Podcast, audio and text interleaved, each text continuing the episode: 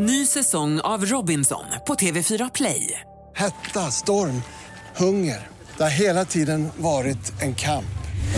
Nu är det blod och tårar. Fan händer just nu. Det. är Detta är inte okej. Robinson 2024, nu fucking kör vi!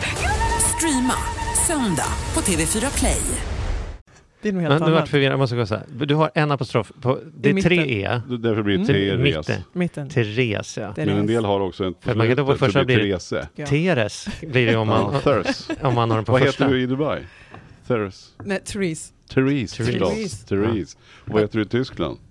Uh, Tess. Tess. Tess. Ja. Jag har varit på bilsemester nyligen nämligen och åkt genom länder. Det är så kul att imitera. Hur skulle man ha sagt i Frankrike, Tyskland och i Danmark? Faktiskt. Vad körde du GPSen på svenska eller? Men faktum är Mm. att det är sant.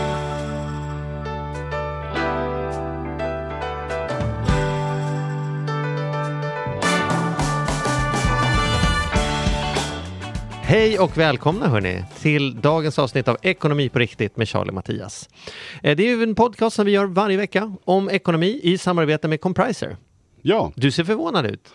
nej men jag tycker det är alltid kul att se hur du lägger upp det här välkomnandet. Ja, Ibland säger du så här, hörni, välkomna hörni. Eller jag vet inte. men eh, vad gjorde Nej, jag tyckte det var ett bra okej. välkomnande. Tack. Vi tackar så mycket till Compriser då, Ja. för att de är eh, vår sponsor. Mm. Eh, de är också jämförelsesajten, tycker Mm. jag. Den är en, faktiskt en riktigt bra jämförelsesajt. Om man jämför jämförelsesajten, då tycker Då du att den tycker ska jag, ligga i ja, topp? jag vet inte, man kan jämföra och man kan comprisa det. Men, Ja. Mm. men vi är väldigt glada för att vi har Compriser som en sponsor. Ja. Och de eh, är, man testar vet jag, har ni inte varit inne och testat och jämfört olika prylar och saker och abonnemang och tjänster så gå in på compriser.se. Ja. Det, vi behöver inte säga mer. Nej, man borde comprisa en kvart Ja. minst i kvartalet och bara ta bort lite onödiga fasta kostnader. Ja. Blir ni besvikna så... Kom så, hem till Mattias och Ja. skäll ut honom. Ja, gör Mm. det. För jag tror inte ni blir det. Nej, nej, ingen orolig för det. Du, idag, babbel babbel, eh, idag ska, har vi gäst. Ja, det har Då vi. går vi inte in så mycket hur mår du och vilken fin skjorta du det. har, utan vi går liksom rakt in på, Rakt in. på gäst. Det ska bli Pudens jättespännande. kärna säger man ju. Puden, varför säger man det? Ja, jag vet inte, jag trodde att du skulle veta. Ja, en det typisk vet jag. Charlie-sak. Ja, Ja, varför säger man det? det är från Göte. Det är visade sig att djävulen var, hade klätt ut sig till en pudel. Och så, här, nu kom pudens kärna fram. Det är Aha, Götes Faust. typiskt. Ja, men ska Ja. du säga välkommen då? Visst är det jobbigt när man säger en sån här och så är det någon som på riktigt har svaret. ja, jag vet. Det, det har du alltid. Eh, så eh, SVT, lyssnar ni på detta? Vi är fortfarande öppna på med På spåret. Så att, Just det, just det. eh, men ni kan, behöver inte köra resmål i Tyskland. Då, Nej, då kan vi redan pudens kärnfrågorna. Ja. Eh, ja, eh, vi har ju med oss Tess Naimi idag. Välkommen! Applåd. Välkommen!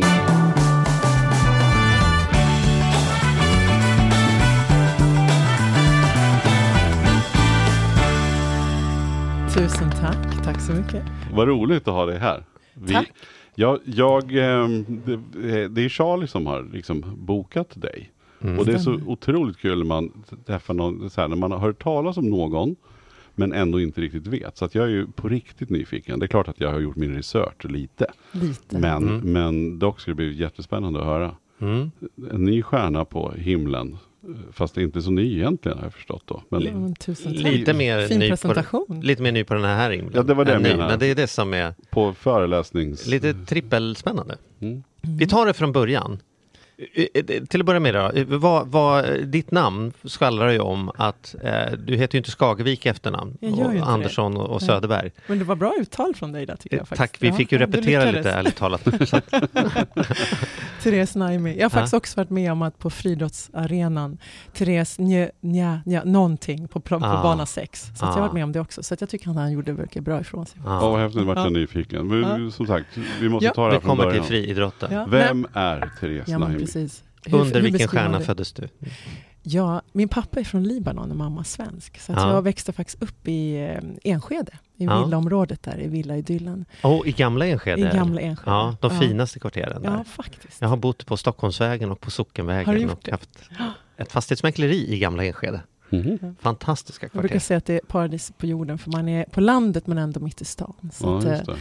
så det var en jättefin uppväxt, måste jag säga. Ja, Mm. ja. Så Om det eh, trillar ner en 10-12 miljoner i knät på er som ni inte vet vad ni ska göra av, flytta till gamla Enskede är mitt förslag. Lite så är det. faktiskt, Ja. det är fantastiskt. Lite Mm. så är det. Ja, så är det. Ja. Nej, Ja. Men, eh, det var, min pappa var Tom Jones, han gjorde hamburgare till barnen och det var högt i tak och dans och Ja, alla ville hänga hos familjen Naimi. Sådär.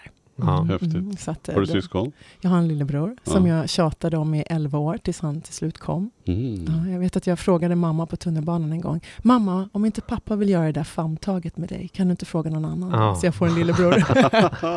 Men så hon kom han, hon blev mest generad. Ja. Ja.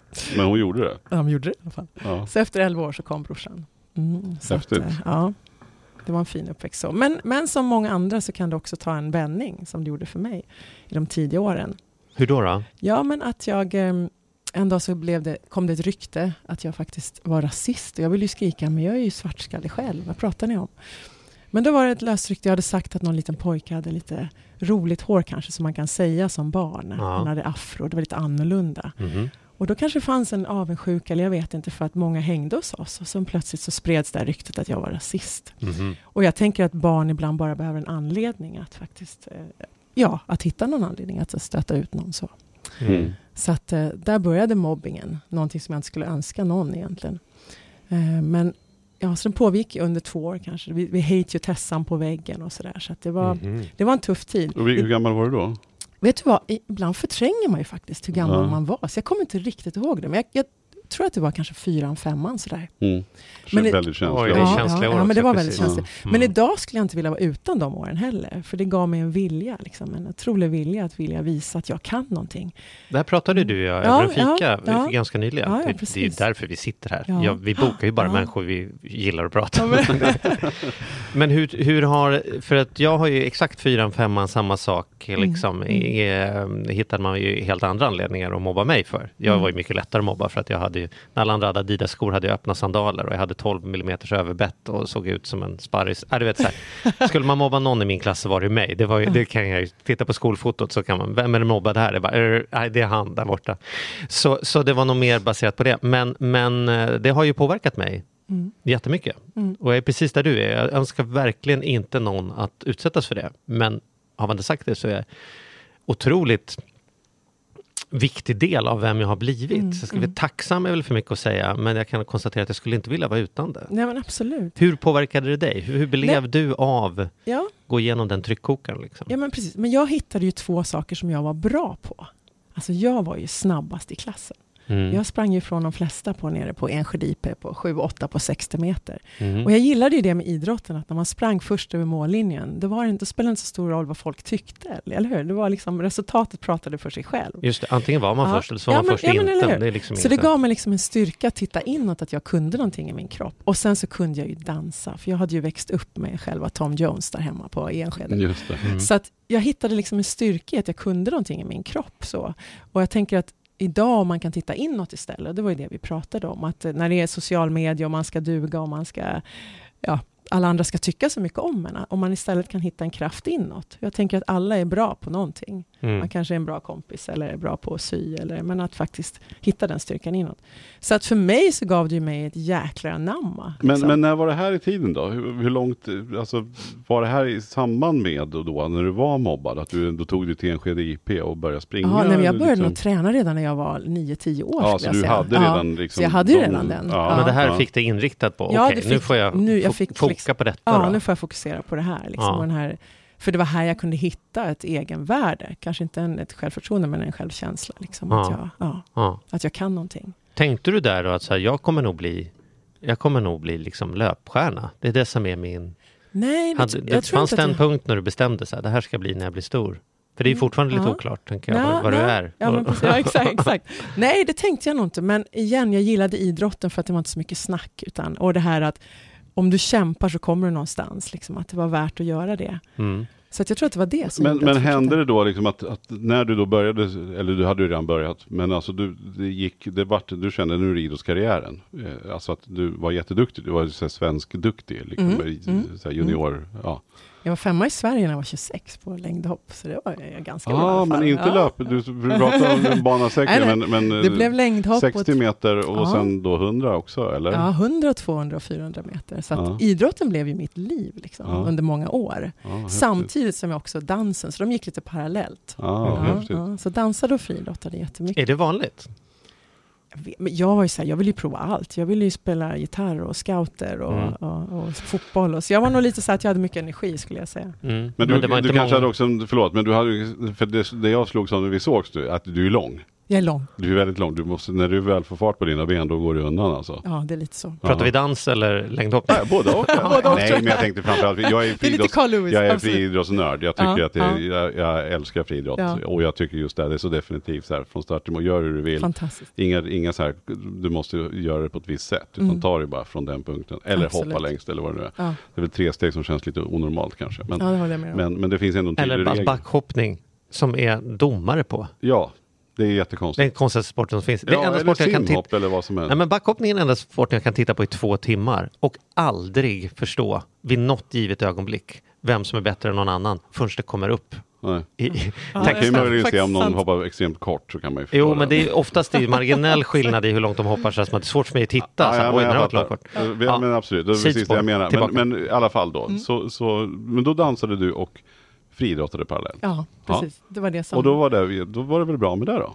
ja. Lev, levde du på det? Nu säger jag att Nej, när det du var det 26. jag inte kunde. Jag kom till en punkt när friidrotten tog otroligt mycket tid. Det var liksom, Mhm. du vet, två träningar om dagen ibland och Och varje guldet dag säger du nästan. vet som att jag Nej, hade men okej, du vet, vi Du elitidrottare emellan. vi, vi, Nej, ja. nej, okej, det tog mycket tid och sen Ja. ska jag ju dansa också. Jag började få dansjobb och liksom... Jag bara säger jag spelade rollspel, det tog Det det, det, det, behövdes man inte två träningar om dagen. Ja. Mm. Ja. Så hur finansierade du ditt liv då? För att... Det var dansen, så att jag fick mer och mer dansjobb. Så det var så Mm. jag började. Jag började faktiskt på Sturecompagniet som go-go-dansare. Mhm, häftigt. Ja, när det var som mest poppis där. Då var Wow. jag 20 faktiskt. Ja. Vad får man betalt för att dansa liksom på, som professionell ja, Då var det väl kanske en 2-5 per eh, gång, per helg sådär för 2-3 timmar. Ja. Mm. ja, men det är ju Ja, men det var bra. det är Och så väl kom ändå, ju det är ju faktiskt 10 000 många- i månaden. Ja, som- men det var faktiskt bra Ja. extrajobb. Ja. Och sen så kom ju många, det var så jag fick mina till liksom, första bakgrundsdansarjobb också med pap, äh, Pappa Di, Pandora, Thomas Gylling och så. Så det var där Mhm. det liksom började jag skulle Mm, säga. mm. Men så kom jag till en punkt när jag Ja, man kan inte friidrotta fem gånger i veckan och dansa fem gånger i veckan. Det går liksom inte ihop så. Så då var jag tvungen att välja. Och då, ja, då var jag som jag sa förut femma i Sverige på längdhopp. Och så kände jag så här, man är, man Långt är ju du aldrig hoppat? Sex och... sex och, man kommer inte ihåg, 6.03 tror jag var. Jaha, för jag Ja. tänkte säga, är du Mm. över sex är det ju Ja, ja, men det var jag. Det var jag. Det är ju inte hur Ja, många ja, som man det var helt okej. Men det också... gör inte jag i jeans en gång. Vad är det längsta du hoppat? Du som, som man tänker faktiskt skulle kunna komma Nej, jag hoppade det. i sexan hoppas jag hoppade jag 4,20 och då var jag jättebra men det var bara tur insåg jag för jag har verkligen inte liksom, jag har inte spänst, alltså verkligen inte eh, så. Men eh, i sexan så, så hoppade jag 4,20 och det var väldigt bra. Men jag, som sagt det var nog ett turhopp tror jag mest. Uh -huh. Så att det var nog inget mer med det. Nej. Men, men då tänkte jag på, eh, ja, men så här, du kände att du var tvungen att välja. Ja. Och nu vill inte jag vara ofin, men jag måste ändå fråga eftersom du pratar om att det var många år sedan och sådär. Så, Mm, så mm. vi ska få perspektiv, så det var 20 år sedan. Hur gammal är du idag? 49. 49? Ja, Mm, okej. mm, mm. Mm, varför får man ihop den här tids eh, med artisterna du nämnde? För jag tänkte det där var ju ändå ett tag sedan. Ja, absolut. Vad häftigt. Men vad, vad gjorde du? Eh, du var tvungen att välja. Vad vart valet? Men jag kände så här, men friidrott är ju fantastiskt. Man, man är aldrig bättre än sitt sista lopp. Man är aldrig bättre än sitt sista hopp. Lite så. Nej, och, då kände jag, och sen så var det inte så kul längre, för jag hade ju växt upp i Enskede med Hammarby friidrott. Alla var där, pojkvännen, alla kompisar. Det var liksom ett helt community kan man säga. Mm. Och sen plötsligt så skulle jag åka till Bosön fem dagar i veckan och träna med en tjej som var också elit. Liksom. Och, då, Mm. och då kände jag så här, det var inte lika kul längre. Mm. Och då, eftersom jag kunde tjäna pengar på dansen, så blev det dansen istället. Mm. Så att det var nog ett vägskäl där, Mm. att jag satsade mer. Sen har jag fortsatt att träna hela livet. Jag är Mm. otroligt tacksam för allt som idrotten gav mig. Mm. För den gav ju den här vinnarskallen, att aldrig ge upp. Jag brukar Mm, säga det till min son som är nio nu. Vad gör vi aldrig Lukas? Vi ger aldrig upp mamma. Men att just det här att liksom dra på sig träningskläderna och gå ut och inget är för jobbigt. Och det Mm. är någonting jag har med mig varje dag i alla min, allting som jag håller på med idag. För det finns där som en röd tråd när man, när man hör om Ja. det, just det där kämpandet. Ja, att men liksom att- inte mm. backa ner för att Aldrig någonting är backa, tungt liksom. eller jobbigt eller Nej. nästan tvärtom, att du går igång lite extra på att här finns det chanser för mjölksyra. Ja men bra, Ja, då springer ja. vi dit liksom. Nej men verkligen så. Det har Mm. blivit en tråd att liksom inte vara lat i livet. Utan, och, och att det faktiskt allt är möjligt att uppnå Mm. om man inte är lat. Vad hände sen då? Ja, men sen så eh, dansen tog över. Mm. Och, eh, men jag hade ju den här drömmen. Jag brukar öppna min föreläsning med att jag är tjejen som inte kunde sjunga men som en, en dag öppnade på de stora arenorna runt Europa. Och jag hade ju den här drömmen om att jag ville sjunga. Liksom. Jag stod ju alltid och mimade till, som många andra, Michael Mm. Jackson och Whitney Houston och Madonna. Och, tänkte jag säga, ni vet igen. Nu vet jag inte om du gjorde det, men i alla fall. Jo men mima har vi väl alla Charlie. gjort. Eller, Jag kände till artisterna du nämnde, men Ja, jag, vet, om- jag stod inte och mimade i något hopprep hemma i barnrummet. Ja. Nej. Nej, jag gjorde det. Ja. Du gjorde det. Ja. Mm. Jag kommer också ihåg att jag, jag brukade, jag ville ju vara som alla andra. Det vet när man är, nu säger jag, ni vet, när man är barn så vill man ju ofta vara som alla andra. Och jag Mm. kommer ihåg att jag, jag stod där och drog i mina svarta corkscrewslockar. För jag ville att de skulle bli sådär perfekt Pernilla Wahlgren-hår, ni vet. Som låg som Mm. gardiner så här rakt. Liksom. Mm. Men ju mer jag drog i håret, ju mer gick det ju av. Mm. Ju, mindre, ju mer jag ville bli som alla andra, ju mindre blev jag som alla andra. Så att, men det föddes den här drömmen i alla fall att bli sångerska. Och jag kunde inte sjunga. När till och med mamma säger när man kommer hem med demon att nej, nej du ska nu göra något annat. Men jag hade ändå den där drömmen och det här som vi pratade om, det här jäkla namnet jag, som jag hade fått från friidrotten, att allt går. Mm. Och vad gör man då? då? Jo, men då la jag faktiskt de flesta av mina danspengar på sånglektioner. Och på, av någon anledning så kunde jag ändå ska jag säga, intressera de bra sånglärarna. För de såg väl att jag hade den där viljan. Liksom. Kanske inte jättetalangen, men viljan. Sen hade jag ju faktiskt stått på scen sen jag var jätteliten och dansat och sådär. Så jag hade ju någonting annat, även om jag inte hade öronen kanske riktigt Mm. för att sjunga i pitch. Liksom. Men Men du, jag övade och övade. det du Mm. pratar om nu, Mm. tänker jag, är väldigt intressant för att var, vart man än kommer i media och andra saker så pratas det alltid om vem är talangen och talang och talang. Liksom så fort Mm. ens är tävlingar i TV heter det till och med talang. Mm. Eh, och jag själv har alltid tyckt att det är lite obehagligt för att det liksom berättar det är så lätt att säga det om någon som lyckas. Alltså, ja men han har sån jädra talang. Mm. Här som om man hade fått det gratis inte hårt jobb. Och det, det kan man väl leva med, att man inte får cred för det hårda jobbet man har gjort. Mm. När folk säger så här, men gud du är så här född talare, så här, men du är 10 000 timmar på scen. När jag föddes kunde jag inte tala överhuvudtaget. Jag har, jag har kämpat mig till den kompetensen. Men det spelar inte så stor roll, det kan man bjuda på. Men det obehagliga är ju åt andra hållet. Folk som tänker så här, ja men jag kan aldrig bli någon sångare för jag har inte den talangen. Eller jag kan aldrig bli föreläsare, jag tycker det är jobbigt. Och så, så här, jag kan aldrig öppna bokföringsbyrå för jag vet inte hur man startar ett bolag. Mm. Tänker du som inte hade talangen och ändå liksom stod kvar för, för i en värld där alla tjatar om att man ska göra det man har talang för snarare än det man har passion för. Liksom. Mm. Mm. Vad tänker du om det? Jag hävdar att allt är möjligt om man faktiskt bara lägger ner de där 10 000 timmarna. Mm. I nästan vilket område som helst. När jag säger att jag inte hade talang så säger, tänker jag att jag hade en talang att stå på scen. Mm. Eh, och jag hade tajmingen för att jag var ju dansare. Men jag Mm. hade inte riktigt öronen. Mm. Och jag tänker att öronen går ju att öva upp.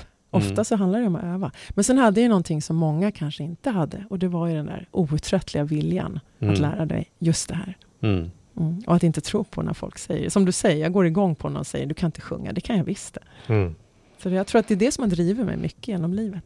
Men vad hände då? Vad, vad Mm. gjorde du av den då? Då lärde du dig Ja. sjunga? Ja, men jag tog sånglektioner Ja. och sen så sådär gå till extreme hela tiden. Jag ville ju flytta till USA. Och jag skrev en låt som heter The Future. The Future lies in front of those who sacrifice. Och det var ju det jag gjorde egentligen när jag var 29, så jag var ju lite äldre. Då ville jag åka till Hollywood och studera på Musicians Institute. Så jag kommer ihåg att jag satt i en turnébuss i Mexico City.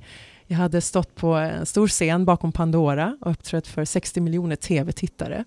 Och så var vi kanske 30 000 Som, i som publiken. dansare då? Eller? Som dansare. Mm. Mm. Så satt jag i den här lilla bussen i Mexico City och så kom jag jag tänkte så här, det var jättekul att stå på den scenen men jag vill ju säga någonting med mina egna ord. Jag vill säga, jag vill uttrycka mig själv. Och då bestämde jag mig att jag skulle bli sångare på riktigt. Liksom. Och det tog tre år, men då hade jag åkt och scoutat också i USA och träffat någon annan tjej som bodde där och tänkt så här, det går, det går, allt är möjligt. Nu kommer jag tillbaka till The Future Lies in front of those sacrifice. Jag hade ju en fyra på Södermalm och tioårigt förhållande och liksom mamma tjatade om att jag skulle skaffa barn och 29 år. Mm. Eh, massa dansjobb, kul. Men då kände jag så nej men jag kommer inte att bli lycklig. Liksom. Jag, måste, jag måste åka. Så då hoppade jag. Och jag är jätteglad för det hoppet. Eh, Du hoppade från både förhållande och... ja, jag åkte. Och jag kommer ihåg att min mamma med flera tyckte att nej men det kan du inte göra. Liksom. Du måste ju stanna hemma nu. Men min pappa, libanesen och några med honom sa att åk och gör din dröm. Mm. Jag ångrar att jag inte gjorde det. Mm. Och när jag, så jag åkte när jag var 29 till Hollywood. Och när jag satt där i min lilla studio med liksom inte så mycket pengar på 20 kvadrat istället för 100 kvadrat. Så var jag faktiskt lyckligare än någonsin för att jag hade ju vågat. Liksom. Så att, eh, måste jag säga, bland det Häftigt. bästa jag gjort att jag, Mm. att jag vågade. Och jag kommer ihåg, jag måste berätta om en av första dagarna i, i skolan. Tänkte då att jag sitter här i klassrum i, på Musicians Institute och det är kanske 30 sångare i den här eh, klassen då som sjunger arslet av mig, ursäkta. Men Mm. de flesta gör ju det. Men igen då så tror jag att jag hade någonting som många kanske inte hade. Jag hade den här viljan och den här oräddheten. Kanske flera, men, men jag vet att jag hade den i alla fall. Så jag kommer ihåg när de frågade så här, vem vill, vem vill börja? Ja, skrek jag. Och så sprang jag fram och då har jag sen blivit retad av pianisten som är en vän idag. Han var från Australien. Han sa så här, så kom du där med ett, en servett med någonting klottrat på som var en Mm. låt. Baby come to me, let me put my arms around you, this was meant to be. Baby come to me, Patty Ja. Austin och James Ja, Ingram. ja, Ah, ja. ja, jag börjar så här. Ja, ja, ja, visst. Ja, ah, så bra. Mm, fortsätt. Så det var faktiskt min auditionlåt som jag eh, sjöng första dagen i skolan. Och eh, ja, jag sjöng inte bäst, men jag var orädd. Mm. Och det gjorde ju och också sen att jag faktiskt var 29. Jag var ju äldre, jag var inte äldst på skolan, men många var också 17, 18 och var där och liksom lekte lite. Men jag hade ju bestämt mig. Mm. Jo, jag- men om man ska hårdra det i musikbranschen idag så är det ju inte bara att man sjunger bra. Det är också Nej. just att Nej. vara 29 anses ju fortfarande, och jag förstår även då, att Mm. man är lite för gammal egentligen. Ja, ja, ja. Det låter ju hemskt att säga, men alltså om man ska göra en karriär som artist, Mm. sen är det aldrig för sent att sjunga, men du förstår, ja, Mm. förstår ju vad jag är Ja, men så var det. Att det verkligen är så, det, det, så är det ju än idag. Liksom. Men då kommer ju den här viljan igen från barndomen där, att liksom jag ska visa, och igen, inte visa de andra, men visa mig själv att jag kan. Så jag bodde ju på den här skolan 24 timmar om dygnet egentligen. Mm. Var där sex på morgonen och signade upp för fredagens liksom show när man fick visa upp sitt band. Och Mhm. Naime Band, inom ett år så var vi ledande på alla open house och liksom jag fick sjunga. Och, och igen den här oräddheten, jag kommer ihåg mina första låtar, How could you leave me? Och att inte våga, jag kommer ihåg en låt som Life is crazy, life is crazy, no one's perfect but everyone is special. Alltså det var inte jättedjupt skrivet sådär, inte det bästa jag skrivit. Men att inte vara rädd att dela med sig av de första låtarna. Mm. Men nu, att du, du säger om och om igen så här, att Mm. vara orädd. Mm.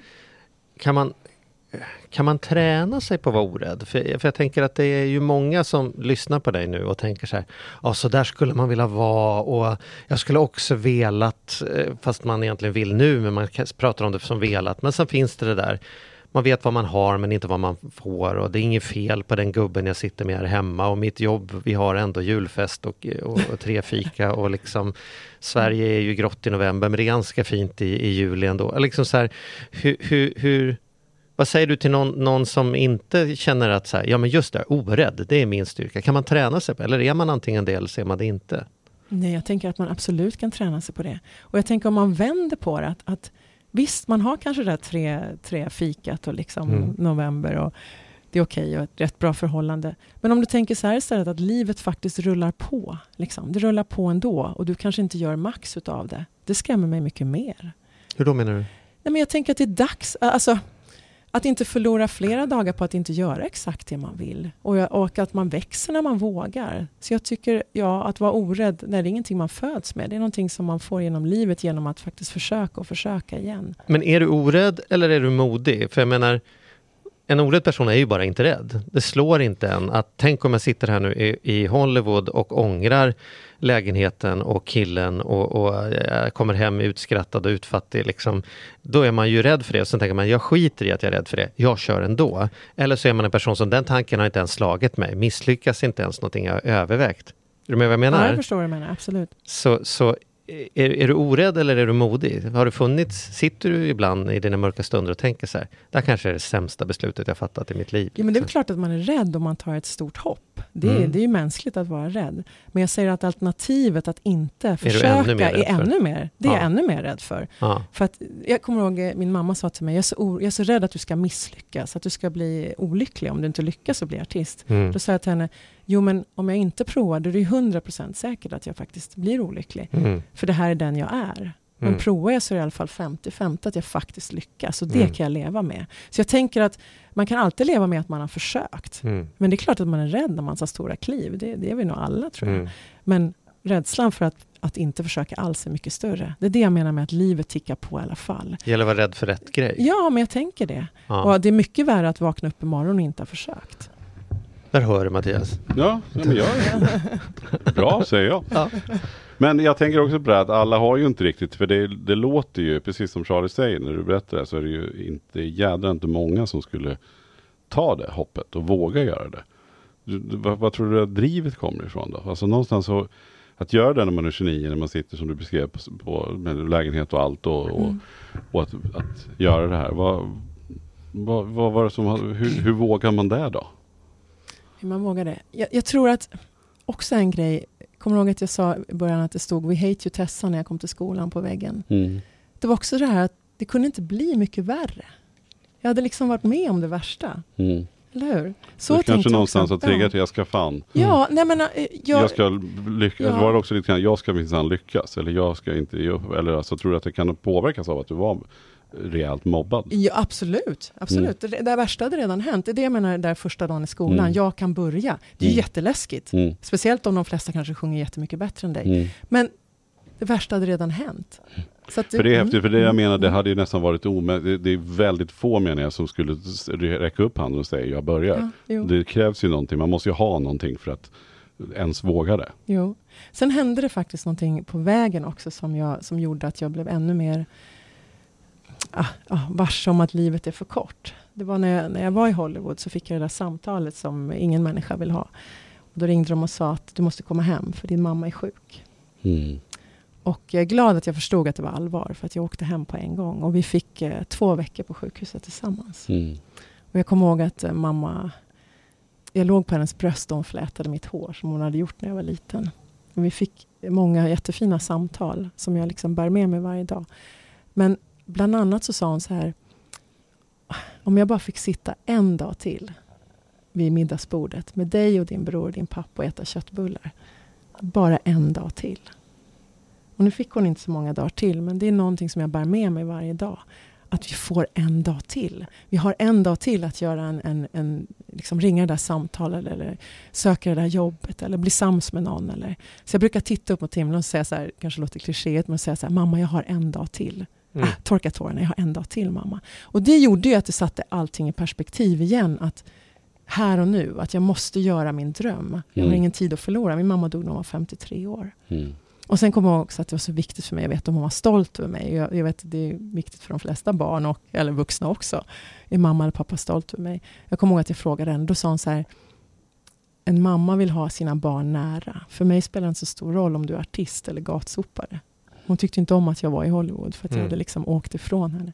Men eh, ja, så att, eh, det satte det i Starkt. perspektiv igen. Att, liksom, Mm. att, att göra. Så att, när jag åkte tillbaka till Hollywood så var jag ännu mer determined. Att, Mm. att liksom Mm, göra det. att leva varje dag. Och jag kommer ihåg, det är lite roligt, förutom skolan som var en fantastisk eh, plats, så kommer jag också ihåg att jag, eh, som kanske var en ännu bättre erfarenhet, jag skulle sjunga in några låtar i studion hos Mr Duckman. Nu kan ni tänka er en kille som kanske vägde så här 150 kilo och svart dreads så här långa. Och eh, vi satt i hans studio och han ville att jag skulle sjunga som en svart soulsångare och det kommer jag aldrig göra. Det kommer inte funka. Så han ville att jag skulle waila precis som honom och sådär. Så vi höll på med tre låtar i ett halvår tror jag. Mm. så han försökte få mig. Och då kommer jag ihåg vid ett tillfälle så jag stod i studion bakom det här glaset, eh, studioglaset. Så reser han sig upp så tar han av sina hörlurar och så kastar han dem över hela studion så de studsar i den här glasrutan. Så skriker han så här You suck! Skriker han till mig. Och jag tittar på honom och så kommer jag ihåg att det rann tårar för det är klart att jag var liksom besviken. Men inte så besviken på honom utan besviken på mig att jag inte fixar det. Så tittade jag på honom och sa så här Just let me try one more time. I can do it, just one more time. Så sa han I can't break you, can I? Jag sa Just one more time. Och det var just det, att jag liksom Mm. hade lärt mig att upp på den här hästen igen, upp på den här hästen igen. Så kan man lära sig. För mig sitter det nog i benmärgen sen idrotten och, liksom, och att, ja, att det var en tuff tid i början på livet. Liksom. Men eh, ja, Mm. Coolt, alltså ja, häftigt att höra. Men vad, vad, vad, vad du tänker där, där du sitter i Hollywood och Mm. sjunger då. Men vad, vad landar det där i då? Vad, Jo, nej men jag skulle vara kvar ett år, men jag blev kvar i fem år. Eh, och jobbade som personlig tränare, kom idrotten igen. Mm. Så att jag jobbade på Bally's i Hollywood. Och eh, när jag gör någonting så gör jag ju det då 100%. Liksom. Så då blev jag master trainer och hade klienter från morgon till kväll. Men då på slutet började musiken bli lite lidande för att jag, eh, då blev jag idrottandet istället, eller som tränare då. Ja, precis. Och man måste ju försörja ja. sig. Ja, man måste försörja mig. ja. Men vi fortsatte, att- jag fortsatte att skriva låtar och eh, spelade på klubbarna, Baked Potato och alla de här inneklubbarna där för eh, peanuts, ska säga, jordnötter och introdörren, spela på Mm. dörren, lite så. Men ja, jag utvecklade, jag arbetade av många av mina 10 000 timmar, inte alla, men jag på god väg i alla fall. Sen så fick jag ett erbjudande. En som hade varit min mentor under den hela, hela tiden, det var faktiskt Jörgen Elofsson. Mm. Eh, väldigt känd låtskrivare Oh ja. som har skrivit Celine Dion och Britney och Backstreet. Och, Mhm. Så han var en... Jag kommer ihåg Aldrig att jag... talas om. Jo, men det, Ja. och sen skrev han de första, det, precis, det är det där han är känd för. Men i, för oss i Sverige så kanske han är känd för att de skrev de första Idol-låtarna, så, alltså för Idol-vinnarna. Du minns ju Daniel Lindström när han hade Ja, vunnit precis. första året med Coming True, heter den låten. Mm. Den skrev Jörgen Elofsson. Mm. Och flera, ganska Många, många, ja, där. ja, så. Och har även varit, tror han till och med var inne och fiskade lite på Mello, fast det var ju inte någon Nej, nej, men, meningen kanske. nej, men han kör väl lite mer grym. internationellt skulle jag säga. Ja, Ja. Mm. Grym låtskrivare. Ja. Ja. Mm. Men jag hade i alla fall varit och skrivit med honom innan jag åkte till USA med Meja och eh, honom och så vi skrev några låtar. Men eh, under tiden jag var i USA så fick han sitt stora genombrott på Cheiron Studios där. Och, och jag skickade ju hem låtar till honom hela tiden. Så han, ja, sådär, ja, ja, lite bättre kan du. Det var faktiskt han som sa också att du måste åka till USA och bättra på din engelska om du ska ha en chans. Liksom. Så det Mm. var också en utav. Så efter fem år så jag fortsatte att skicka hem låtar och sen sa han vid ett tillfälle att ja, men nu har du blivit en bra låtskrivare. Jag signar dig till mitt låtskrivarteam om du kommer hem. Och då hade jag varit i USA i fem år. Det kändes så här, nej men det kanske är dags nu också att... Eh, det var så där, ska jag stanna i USA ska jag åka hem. Det var ett vägskäl där, Mm. men jag valde att åka hem. Mm. Och eh, blev låtskrivare och signad med hans team. Och det var 2004 tror jag. Det här behöver man bara Det var höra då, så att man idol, förstår. idol då, då, då minns du Idol eh, Ja. året först där som han skrev ja, den. Absolut. Ja. Ja, Men absolut. det här är en inspirerande his- historia i sig själv. De flesta människor skulle, som skriver musik skulle inte ens våga skicka en låt till honom. Nej, Du det- skickade om och om igen och fick så här, inte tillräckligt bra tillbaka i Mm. fem år Ja. och fortsatte ändå skicka. ja, men jag är sån. Så, jo, jag förstår, Ja. men de flesta människor skulle säga, nej men jag har provat, det gick inte liksom. Så här, jag fick avslag. Så Och vet du jag fick göra när jag kom hem då? nej. Det var så ro- alltså Jörgen, han hade ju, pratar vi om Jörgen, men hoppas det är okej. Han hade ju en jättefin studio på Lidingö och eh, det kom världsartister och de jobbade upp i studion. Vet du var jag satt någonstans? Nej. Jag satt i hans lilla liksom, sidohus där. Lilla, ja. Och så tittade han in ibland. Så jag satt där och skrev, men jag var liksom på plats. Jag kommer ihåg att min dåvarande pojkvän sa så här, varför sitter du där ute i hans lilla lusthus? Heter Ja, det. ja. Va- Varför sitter du där liksom och skriver? Du är inte... Nej, nej, men en dag kommer han att titta in och hjälpa till. Jag Mm. visar att jag vill. Mm, Jag visar att jag vill. mm. Och, det, och där satt jag ju. Mm. Och han tittade ju in ibland och sen skrev vi några låtar ihop. faktiskt. Och det som hände, vad som egentligen kom ut av det här, det var att jag träffade ju, jag blev kompis med hans låtskrivarteam. Så att min första platta skrev jag huvudsakligen med, vi var fem killar och jag som var signade hans låtskrivarteam. Och med två av de killarna skrev jag min första platta. Mhm. Som sen blev mina hits i Mellanöstern. Så Mhm. att, eh, det hade ju faktiskt en eh, Ja, poäng. men Mellanöstern, vad, vad, ja. Ja. hur länge var du i Sverige då? För sen drog du till, Ja. till Mellanöstern helt Ja, enkelt. men jag brukar berätta det att också när jag åkte hem, det var så kul. Jag, jag var ju alltid Tessan i min barndom. Min pappa säger fortfarande Tessan. Jag lystrar till alla olika namnen måste jag säga. Men när jag åkte till USA så blev jag Therese. Mm. Och det var som att det blev en identitetsbyte där. Att plötsligt så var jag ju sångaren, liksom, sångerskan. Jag kunde ju sjunga. Men jag kommer ihåg när jag, när jag åkte hem, när jag klev in där på Arlanda. Då kom den här jantelagen i kapp mig igen. Plötsligt, jag kan inte sjunga. Men jag är ju Tessan i Sverige. Liksom. Mm. Direkt sådär. Och då skrev jag en låt som heter Color of Love. Och den, den handlar om att du har the color of love inom dig. Även om du är i Mellanöstern eller i Mm. USA eller i Sverige. Och det blev ju faktiskt min första hit på både svensk radio, jag kommer ihåg P4 rullar den där, och, och i, i Mellanöstern. Så att, Men var det du som hittade Mellanöstern eller hittade Mellanöstern ja, dig? Ja, precis. Nej, men det här igen att våga fråga. Ja. Så när jag kom hem så öppnade jag eget skivbolag, Future Records. För igen, jag var nog... Jag ville gå min egen väg, men sanningen är nog den också att jag var rädd att få ett nej från de stora bolagen. Mm. Lite så, att jag hade, nu har jag gjort det här hela vägen själv. Liksom. Nej, men jag kör själv. Och så hade jag Jörgen där och så hade vi skrivit en jättefin platta, jag och killarna. Men sen, tillbaka till Mellanöstern då. Eh, 2006, mamma hade gått bort 2001 där. 2006 då åkte jag på ett kusinbröllop i Libanon. Mm. Hälsade på min andra liksom, sida, jag är halvlibanes då. Stor släkt i Libanon. Och hade med mig min första platta, då, Liven, som hade de här låtarna. Låten för mamma, The Night Has Come. Eh, How Could You Leave Me, skriven från eh, min pojkvän, dåvarande pojkväns perspektiv att jag hade åkt. Det var låten för brorsan, att jag finns där för dig. Overwhelmed, att pappa fortfarande finns kvar. Det var liksom en hel spektra av låtar som faktiskt beskrev mitt liv och det var därför det hette Liven. Eh, ja, i alla fall, så åkte vi till Libanon. Och det här att våga fråga. Jag kom ju där, lite naivt så, men det hjälper med mitt album Liven. Är det någon som känner någon som känner någon som vill lyssna? Den här orördheten igen. Jag kanske får ett nej.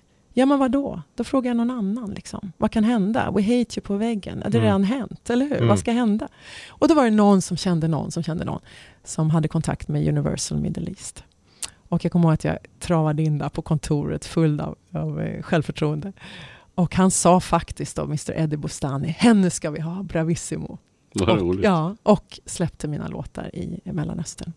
Så det var där det började. Och då kommer jag ihåg att jag, eh, sam, jag har ett saying som säger så här, sometimes you don't have to know why, you just have to show up.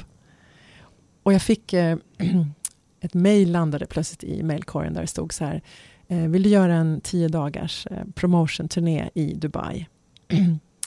eh, jag betalar hotellet och, du, och resan och du kommer. Och det var faktiskt början på det här äventyret i Mellanöstern som blev nio år långt. Mm. Mm. Vad, men vadå, alltså, vad hände då? Vad hände på de där? Det låter som en intressant, en intressant promotion-turné. Ja, vad, ja, jo, vad det hände var, då? bland annat så, så sa han ju att eh, arabiska artister ibland kan det vara så att de kanske är snygga men inte skriver sina låtar själva sådär, eller sjunger. Och, så han sa att när du blir intervjuad så fråga alltid om du kan sjunga en liten bit av refrängen. Och så säg att du skriver låtarna själv. Mhm. Ja, så att jag hade ju liksom de här intervjuerna då. Så sa do you want me to sing a little bit of the chorus? Mm, Oh, mm. do you want to do that? Och så sjöng jag lite. Och så, Mm. och så den här handlar om min mamma, eller den här handlar om liksom min bror. och sådär. Så att, ja, det var en lyckad turné, måste jag säga. Häftigt. Ja. Mm. Så, Så där lyckad så att du det. flyttade dit? Nej, eh, någonting som också hamnade i mailkorgen var faktiskt, det här är så roligt, men ibland så, det, livet tar olika vägar. Jag kommer ihåg att jag gjorde koreografier för någonting som heter WhatsApp. Och det var en popgrupp med Robin Stjernberg och, eh, eh, men nu ska jag säga, oh, gud vad heter det? Eh, största stjärn, vad heter han? Erik Sade, förlåt det bara Mm. försvann. Erik Mm. Sade och Robin, de var Robin Stjernberg, de var en grupp som hette WhatsApp. Och jag jobbade som koreograf för dem när de skulle göra sina scenframträdanden. Aha. Och på det sättet så hamnade jag på en mejllista. Och sen hamnade det i min mejlkorg då att vi söker en artist till Lyxhotell som ska spela på Lyxhotell i Dubai i tre månader. Och först tänkte jag så här, nej men jag hade en ny pojkvän och en liten chihuahua, jag kan ju inte åka ifrån dem, tänkte jag. Men så tänkte jag igen, men det har hamnat på mitt bord. Sometimes you don't have to know why, you just have to show up. Och då kom det där igen. Jag tänkte, men det är ju mitt gig. Jag har gjort den här tio dagar turnén i Dubai, det gick jättebra. Men jag behöver ju vara på plats. Jag behöver vara i Dubai. Jag kan inte sitta hemma i Stockholm och liksom vänta på att någon ska ringa. Sometimes you have to sacrifice, eller hur? Då var det så här, okej, jag måste åka igen. Det kanske inte är en jättesacrifice att åka till Dubai och bo där. Men just då kändes det så att liksom bryta upp igen från Men hur gör, pojkvän. man, och- hur gör man praktiskt då? Hur, hur får man råd då? Hur, hur hittar man en läge? Alltså så här, hur bara flyttar man? Nej, men det, var, det här var ju faktiskt det perfekta upplägget. För att om du tar ett, eh, eh, vad ska jag säga, ett kontrakt på ett lyxhotell, då är det faktiskt all inclusive. Så Mm. det var ju, eller inte alltid, men för mig var det det. Mm. Så att jag bodde ju gratis, jag hade allting gratis där och Mm. hyrde ut min lägenhet i stan. Mm. Och sen så åkte jag. Häftigt. Ja, så att, och då var det faktiskt någon artist som sa till mig så här, det är så roligt. Nej men Therese, nu har du ju låtar liksom på radio och sådär. Nu kan du ju inte sätta dig och spela i pianobaren på ett lyxhotell. Alltså, du- eller ett hotell, lyxhotell, men på ett hotell. Att Nej, det inte men var tillräckligt Det var, credit inte, liksom. det var inte tillräckligt fint och, och liksom, det kan man ju inte göra. Men jag sa till henne, men, för första så behöver jag fortsätta på mina 10 000 timmar. Jag kanske gjort 5 000 vid det här Mm. laget. Jag behöver göra fler för att bli riktigt duktig. Och sen, jag måste vara på plats. Eller hur? För mig, var vara för fin. Man måste göra jobbet. Man måste göra sina timmar. För mig var det perfekta upplägget. Så att det blev ju så att jag under nio års tid var borta varje halvår sen. Det som började med tre månader blev sen sex månader varje höst i nio år. Vilket gjorde att jag kunde bygga en turné, eller bygga ett, en, en karriär i Mellanöstern med utgång från Dubai. Och det här gav ju otroliga möjligheter ska jag säga. Min musik började spelas på radio. Jag skrev nästa album Stronger. Att det hade hänt mycket, så jag var starkare nu. Jag fick samarbete med Volkswagen Middle East, blev deras brand ambassador. Fick sjunga för Victoria, kungen, på deras statsbesök i Abu Dhabi. Jag fick eh, öppna för Simply Red på deras Europaturné. Runt i, ja, det var grymt. Jag hade inte en publik på 30 000, men det hade de. Och vi fick köra 45 minuter. De gillade oss, vi fick köra en 45 minuters set liksom innan varje. Så det, var, det gav så otroligt mycket för att jag var på plats också. Hade jag suttit Men hemma då i körde Sverige... du sex månader i, och sen så körde du din egen men du bodde kvar. Så Nej, du, nej, utan jag körde sex månader på hotellen Mm. ofta så, och gjorde mina 10 Det var fyra gånger 45 minuter varje Mm. kväll. 300 covers i bagaget, liksom egna låtar också. Men jag fick ledigt de kvällar jag hade mina egna spelningar. Ah, så du det var det perfekta upplägget, Ja. att jag kunde vara på platsen. var det ju mycket intervjuer dagtid och, liksom Mm. och sådär. Men Men så jag åkte du kunde hem kombinera. då halvårsvis? Då? Ja, då åkte jag hem halvårsvis. Ja. Mm. Och då, ja, då, då skrev jag på nästa album och arbetade också med musik. Liksom. Men, men det var ju min huvudsakliga inkomst, det var Dubai. Mm. Det var det faktiskt under de här åren. Vad häftigt. Och kunde du leva gott på det? Vad, vad tjänar man? Hon bodde ju på ett lyxhotell, Ja, jag det. Men, men alltså... Får man det- säga vad man tjänar? Ja, det man. Ja, Får man göra det? ja, det här får är podden man får Ja, det. får man göra Är det? det någonstans man får säga det så är det våran på. Ja. Nej men det var, det var fantastiskt. Jag tjänade kanske 50 i månaden. Oh, Ja. och, och har då Mm. boende och allt. Jag hade allting, allting. och så Plus hyrde jag ut, wow. lägen, hyrde ut lägenheten. lägenheten hemma. Så att det var perfekt. Häftigt. Jag hade inga kostnader egentligen. Nej. Då kunde jag lägga pengarna, jag har alltid varit en väldigt ekonomisk person, därför är det här ett program också. Mm. Men jag är ingen slösa-människa, jag är inte snål, jag älskar att vara generös, men jag är liksom, ja, jag kan vara dålig på att unna mig själv ibland, Mm. men jag är, unnar mig alltid att investera i mina drömmar. För det är, liksom, det är allt. Så att jag lägger, jag, därför har jag kunnat gå framåt hela tiden, för att jag har lagt pengarna liksom på produktioner, nya album, nya musikvideos. Jag tror jag har 20 på nätet. Liksom. Men att, att jag tycker man är skyldig sig själv att lägga på sina drömmar, inte att köpa handväskor. Liksom. Men det, Mm. det, det, jag lägger ingen värdering i det, Nej, men, jag jag, funkar så. Ja, jag ja. funkar så. Mm. Men, men nio år säger du. Och hur långt fram, hur länge sedan var det då du avslutade? Ja, men precis.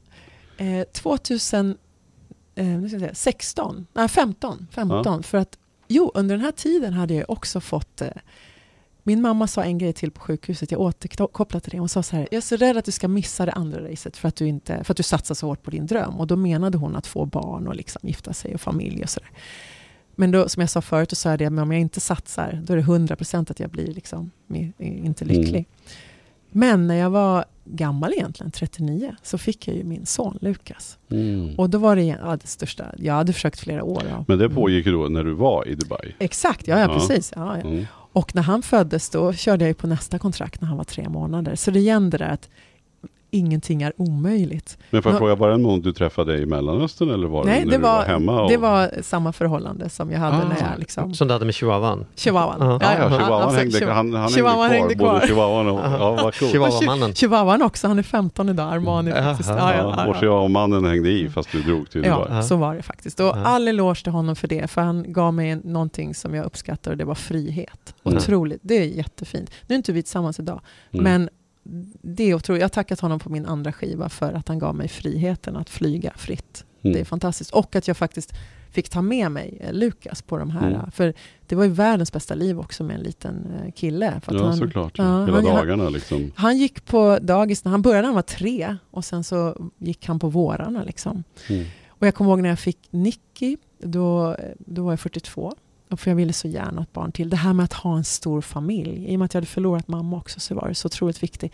Och jag kommer ihåg att jag åkte på nästa kontrakt med henne när hon var tre veckor. Och då var det vissa som tyckte att du kan ju glömma nu att du ska åka på liksom, turné med två barn själv. Mm. För det? Då ska, Men jag var göra, det också... då ska jag göra det ännu mer. Men det var också chihuahuamannen. Ja men precis. Ja. precis. Mm. Ja.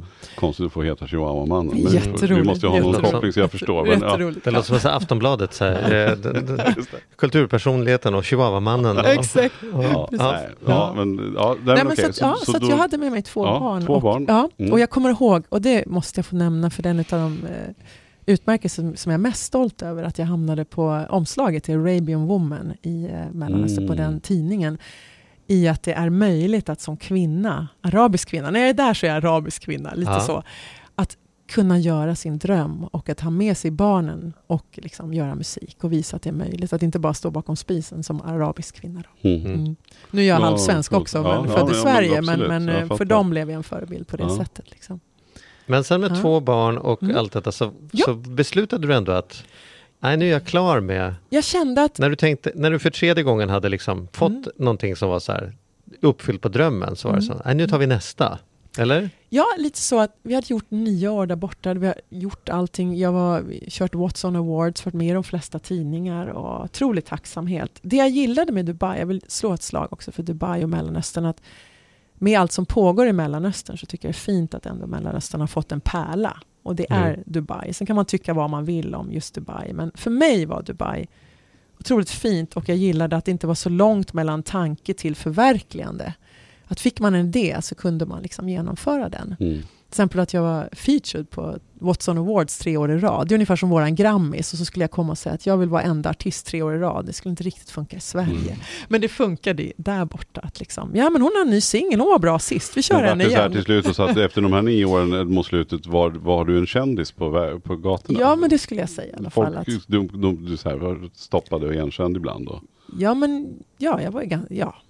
Kan man säga, ja. Nu blev jag lite blyg så här. Jag Men ja, säga, jo. inte, du ska så- inte vara den som är blyg. Du ska säga, ja för fan, de Ja, stoppar mig hela tiden och Mm. skriver, tar selfies och... Ja. Nej men du är ändå, Ja, du vart jag- ändå igenkänd Absolut, efter absolut. de här. Och Ja. jag kunde leva på det. Och, men jag kände så här också att nu har vi gjort det här under många år och vi kan inte göra What's On ett fjärde år. Och, nej men lite så. Mm. Men framförallt kände jag, framförallt egentligen det som var avgörande var att Lukas skulle börja nollan också. Mm. Och då kände jag så här för, förskoleklass och då kände jag att nej men nu är det dags att åka hem och landa och Mm. faktiskt kanske bli profet i sitt eget hemland också. Nej, men, men att börja skriva på svenska, det hade liksom, jag hade skrivit på engelska hela tiden. Och jag tror att det ändå var lite den här flykten i att Tessan, Therese, Mm. så länge jag liksom skriver på engelska och utomlands, då, då är jag artisten. Det var Mm. lite läskigt att komma hem.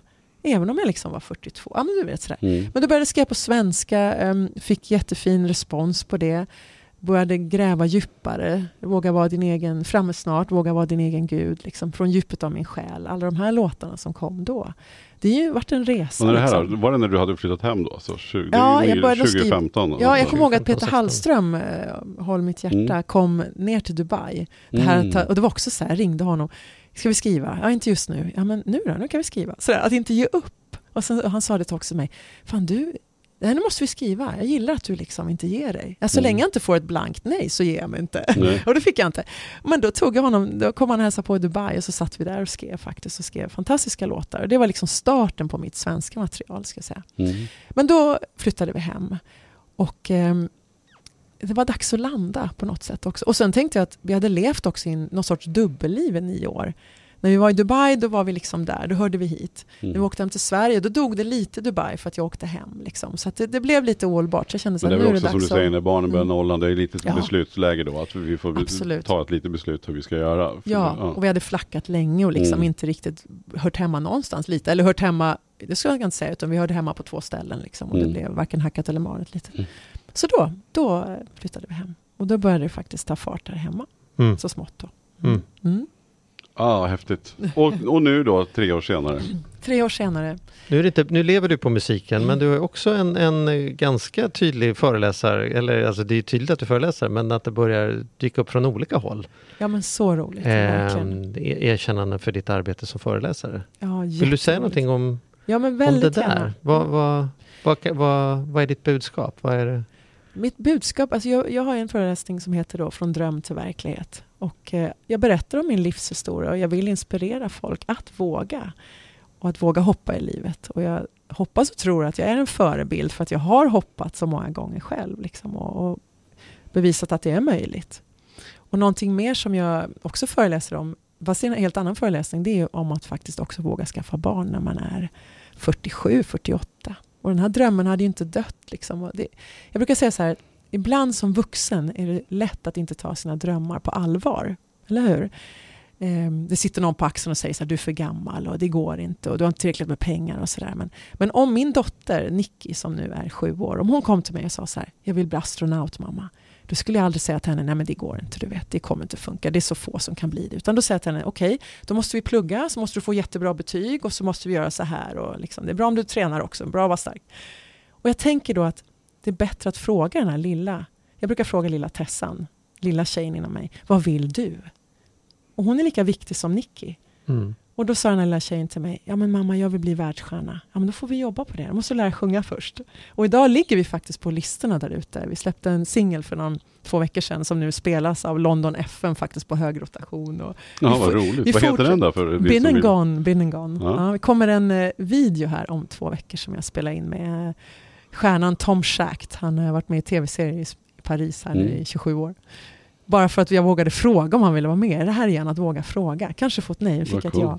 Det var ett sidospår, men i alla fall att våga liksom fråga. Mm. Och då sa den här tjejen, lilla Tessan också, jag vill ha en stor familj mamma. Jag måste ha en stor familj, vi är så få. Jag har min pappa och min bror, men jag har inte mamma. Ja men du är ju 47 år. Ja men skitsamma, jag vill ha en stor familj. Okej, vad gör vi då? Vi måste ta hjälp. Och eh, så föddes han ju när jag var 48, lilla Lennox. Jag tog hjälp. Ja, för lilla Lennox, för Han det, är ju där, nu är här det här nu, radio, men, Ja. men jag kan ju tala om att bara några meter härifrån så är det en liten, så står det ja, vad är det, helt en liten söt nosig, Ja, eh, som också har sovit under hela det här ja, samtalet. man får du hade ju planera tajmat. lite. Ja. det var så coolt du kom. Han har bara sovit, han har som tio minuter sedan somnade så det ska nog Ja, ja. Ja, Du vet, jag har rest med, ja, de har var varit tydlig. med på allt de här Ja. tre små barnen. Ja. Men, men att Men hur, vadå få hjälp? Så då, då, då var det ingen chihuahuaman som... Nej, då var det inte, utan då Nej. var det faktiskt, för då eh, singel och eh, ensam singel. Ensamstående tycker jag låter mycket bättre Mm. än med, två. Men att drömmen liksom, ja men den här drömmen har inte lagt sig om ett, ett tredje barn. Nej, men då är, då är situationen som den är nu. Jag vill inte behöva sitta och vara bitter en dag för att jag inte träffade rätt man eller bla bla bla, massa ursäkter. Att man tar tag i sina drömmar Och hur gjorde du då? Det måste Då åkte jag till AVA eh, klinik i Mm. Sankt Petersburg och så fick jag hjälp. Mm. Mhm. Och så funkar det alldeles utmärkt. Funkade på första försöket, ja. ja. Och här nu är han här. Så jag brukar ibland föreläsa med honom på armen också och vill skaka om andra kvinnor och män och att det här, kör nu, ni ångrar er. Om man har en dröm, den kommer aldrig försvinna antagligen, utan att, att det är bättre att köra. Så det föreläser jag om också. Mm. Men eh, ja, Men vad häftigt. Men har du fått, är det många som har stört sig på det? Ska man vara så, verkligen vara så där gammal när man skaffar barn? Och så där? Ja, ja igen, om du, du om, du, här? ja, om, du våg, om du frågar folk så kommer du få otroligt många eh, synpunkter på det. Mm. Ofta kan det också handla om att man påminner folk om att de inte har vågat själva. Så det är klart. Så jag frågade några, fick inte så jätteroliga kommentarer. Precis det här, du är för gammal, du är själv med två, du kan inte få barn, du har till tre. Vet du, och sådär. Då slutade jag fråga, för jag visste ju att min dröm är där, den kommer aldrig att försvinna och ingen tackar dig om du inte gör det. Och så körde jag själv utan egentligen säga det till mer än en eller två personer. Och nu när han är här och vi hade ett dop för några månader sedan, då var det ju självklart för alla de 70 gästerna att han finns. Såklart. Eller hur? Mm. För nu älskar alla honom. Mm. Men att det här går sin egen väg. Så att, för att svara på din fråga, jag är otroligt glad att det sprider sig mer och mer om min föreläsning. Och nu ska jag vara med på Stora måldagen här Mm. för en stor Mm. publik. Mm. Och, eh, det var ju ett, eh, också ett affirmation och ett klart mål. Att ofta ha, att vill man någonstans, att ha ett klart mål var man ska någonstans, då dyker det ofta upp. Då kan jag tipsa dig om, det det vet du säkert redan, men annars så kan ju Charlie vara både Peter Hellström och, och, och Jörgen Elofsson och. Lite coach. Therese klarar sig långt alldeles utmärkt utan min hjälp skulle jag Ja, säga. men nu är du som är lite blyg. Ja. Du vet ju att han har gjort typ tusen föreläsningar. Och, Ja, det vet jag. Absolut. Jag behöver en coach, absolut. vad jag tar tacksamt emot Vi kan hjälpa varandra. Ja, det ty- hoppas det. Ja. Ja, vad häftigt. Vad, vad kul att höra din resa. Alltså, vad imponerad jag blir. Ja, men tusen Jag tack. blir lite tagen här. Jag bara, Ja. ta in Det Vad coolt gjort. Ja, men idag så, jag får ju jobba med musik. Jag, får ju liksom, jag försörjer min lilla trio på min Mm. musik. Och eh, jag har gjort mina 10 000 timmar. Där i Dubai, det var ju som jag sa, 4 gånger 45 varje kväll. Sex kvällar i veckan, Mm. sjunga covers. Och då gjorde jag mina 10 000 timmar. Och Så- om man nu vill ha tag på dig då, hur gör man då? Vi måste ju bjuda på lite Ja, men tusen Om tack. man vill nå det, har du någon bokare, liksom agent, eh, hemsida? Hur, Hemsidan har skryt ju. lite nu, ja, hur Ja, får man men- tag på dig? Ja, då? ja, visst. Man kan söka mig på teresnaimi.com. Mm. Ja, får ni Bra. kanske lägga ut namnet hur det stavas sen. Det är Ja, inte det Men det, det har man redan klickat på. Om man lyssnar på detta Jag så har man ju det. ändå Det sett finns här. eh, på Så- Spotify, Therese Naimi, om man Ja. söker på det, och Ja. eh, otaliga videor på YouTube. Jag ska också säga, vi släppte en video, för, vi, vi är produktiva här, vi släppte en video för två veckor sedan som jag är så stolt över. Den heter Ännu ett år. Ja, Och den handlar verkligen den var om... eh, jättefin, jag såg den. Ja, men tack. Ja. Men det här att det är en dokumentation skulle jag säga lite grann av eh, mina tre barn och det är flytten från en lägenhet till en annan. Det här när vi äntligen lyckades byta en två mot en fyra. Men att inte ge sig. Och den är otroligt ärlig och liksom up close and personal skulle jag säga. Men det, den är, ja. Har, Och den skojar har- lite med social media. Ja. Att eh, det är så viktigt att vi ska försöka vad ska jag säga, vara alla andra till lags. Men Mm. att det inte spelar någon roll utan det är viktigare att gå sin egen väg. Mm. Och den har fått jättefin respons. Jag är Mm. väldigt Vad kul. stolt över den. Ja. Kul. Ska vi inte, ska vi Jag inte har ett- sluta så? Jo, då? men jag tänkte bara ge ett slutligt tips då. Ja. Eh, sådär, om du vill ha ett. ja, gärna. Ja, om du vill sticka ut ordentligt i nästa video. Så, så kan du ju eh, kolla om Charlie och jag kan vara dina bakgrundsdansare. Just det. Men det, vore, det är en fantastisk idé. Den kommer, Absolut. det, det kommer bli uppmärksammad. Ja, Jag vet inte om det Kom kommer ihåg att du sa det eller nu. understryka att, att inte sa att det kommer bli bra, men det kommer bli det uppmärksammat. kommer uppmärksammas. Sometimes Ja. you just have to show up. Ja, Eller hur? ja, vi Då ska kan show fan, up i Då alla ska fall. vi fan show up Ja. Ja, Ja, men mitt förslag var att vi skulle sluta med, med att vi eh, smyger ut med lite musik. Ja, det kan inte Om, vi om, vi vilken skulle, låt, vilken låt väljer vi, om, vi, om vi skulle avsluta med, med lite musik, vilken låt tycker du vi ska spela? Vilken är Då tycker jag att ni ska spela ännu ett år. ännu ett år? Ännu ett år. Ja, men då gör vi det. Lyssna och njut kamrater. Ja, tack för idag. Tack för idag. Ännu ett år har gått och jag vill tro att jag har blivit klokare med tiden. Men när jag räknar mina likes, vem har väl inte gjort det? Ja, då undrar jag. 92, 98, 100, 428. Jag läser storleken i mina barns kläder. Vill stoppa tiden, vara hjälten i filmen om mig själv. Jag måste finnas kvar. Står rätt och snällhet fått medalj. Ja, när orden står sig slätt och åldern stannat upp. När alla vänner kommit hem, ja då firar vi det år som gått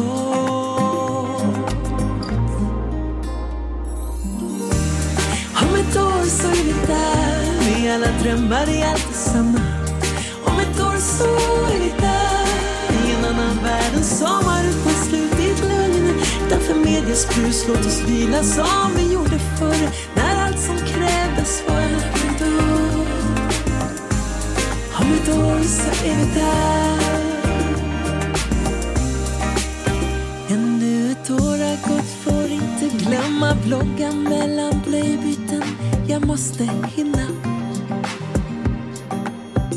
Tänker känna att kanske är det ej så viktigt. Vem är väl intresserad?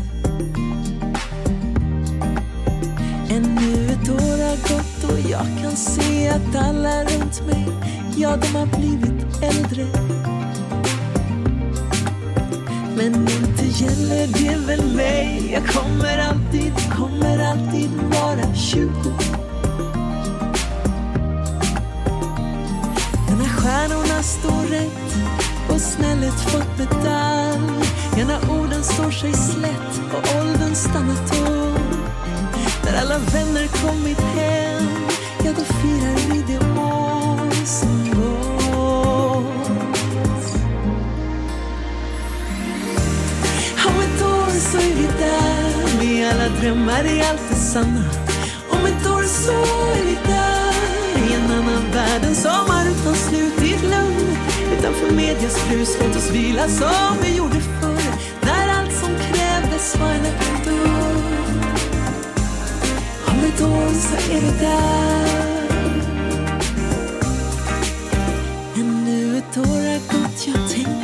ska stå för mig själv. Nu tar jag ingen skit mer. För det är dags att tänka själv. Dags att rensa gamla kläder ur garderoben. Men när stjärnorna står rätt Ja, då firar vi det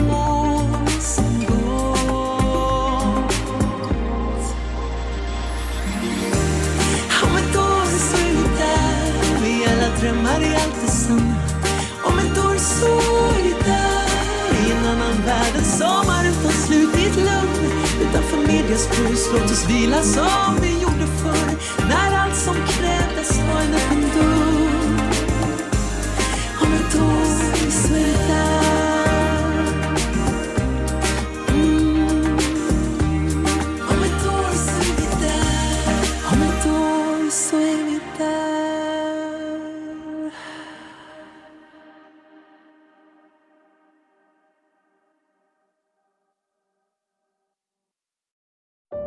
Säsong av Robinson på TV4 Play.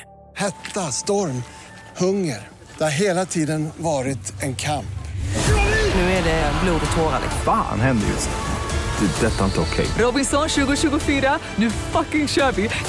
Streama söndag på TV4 Play.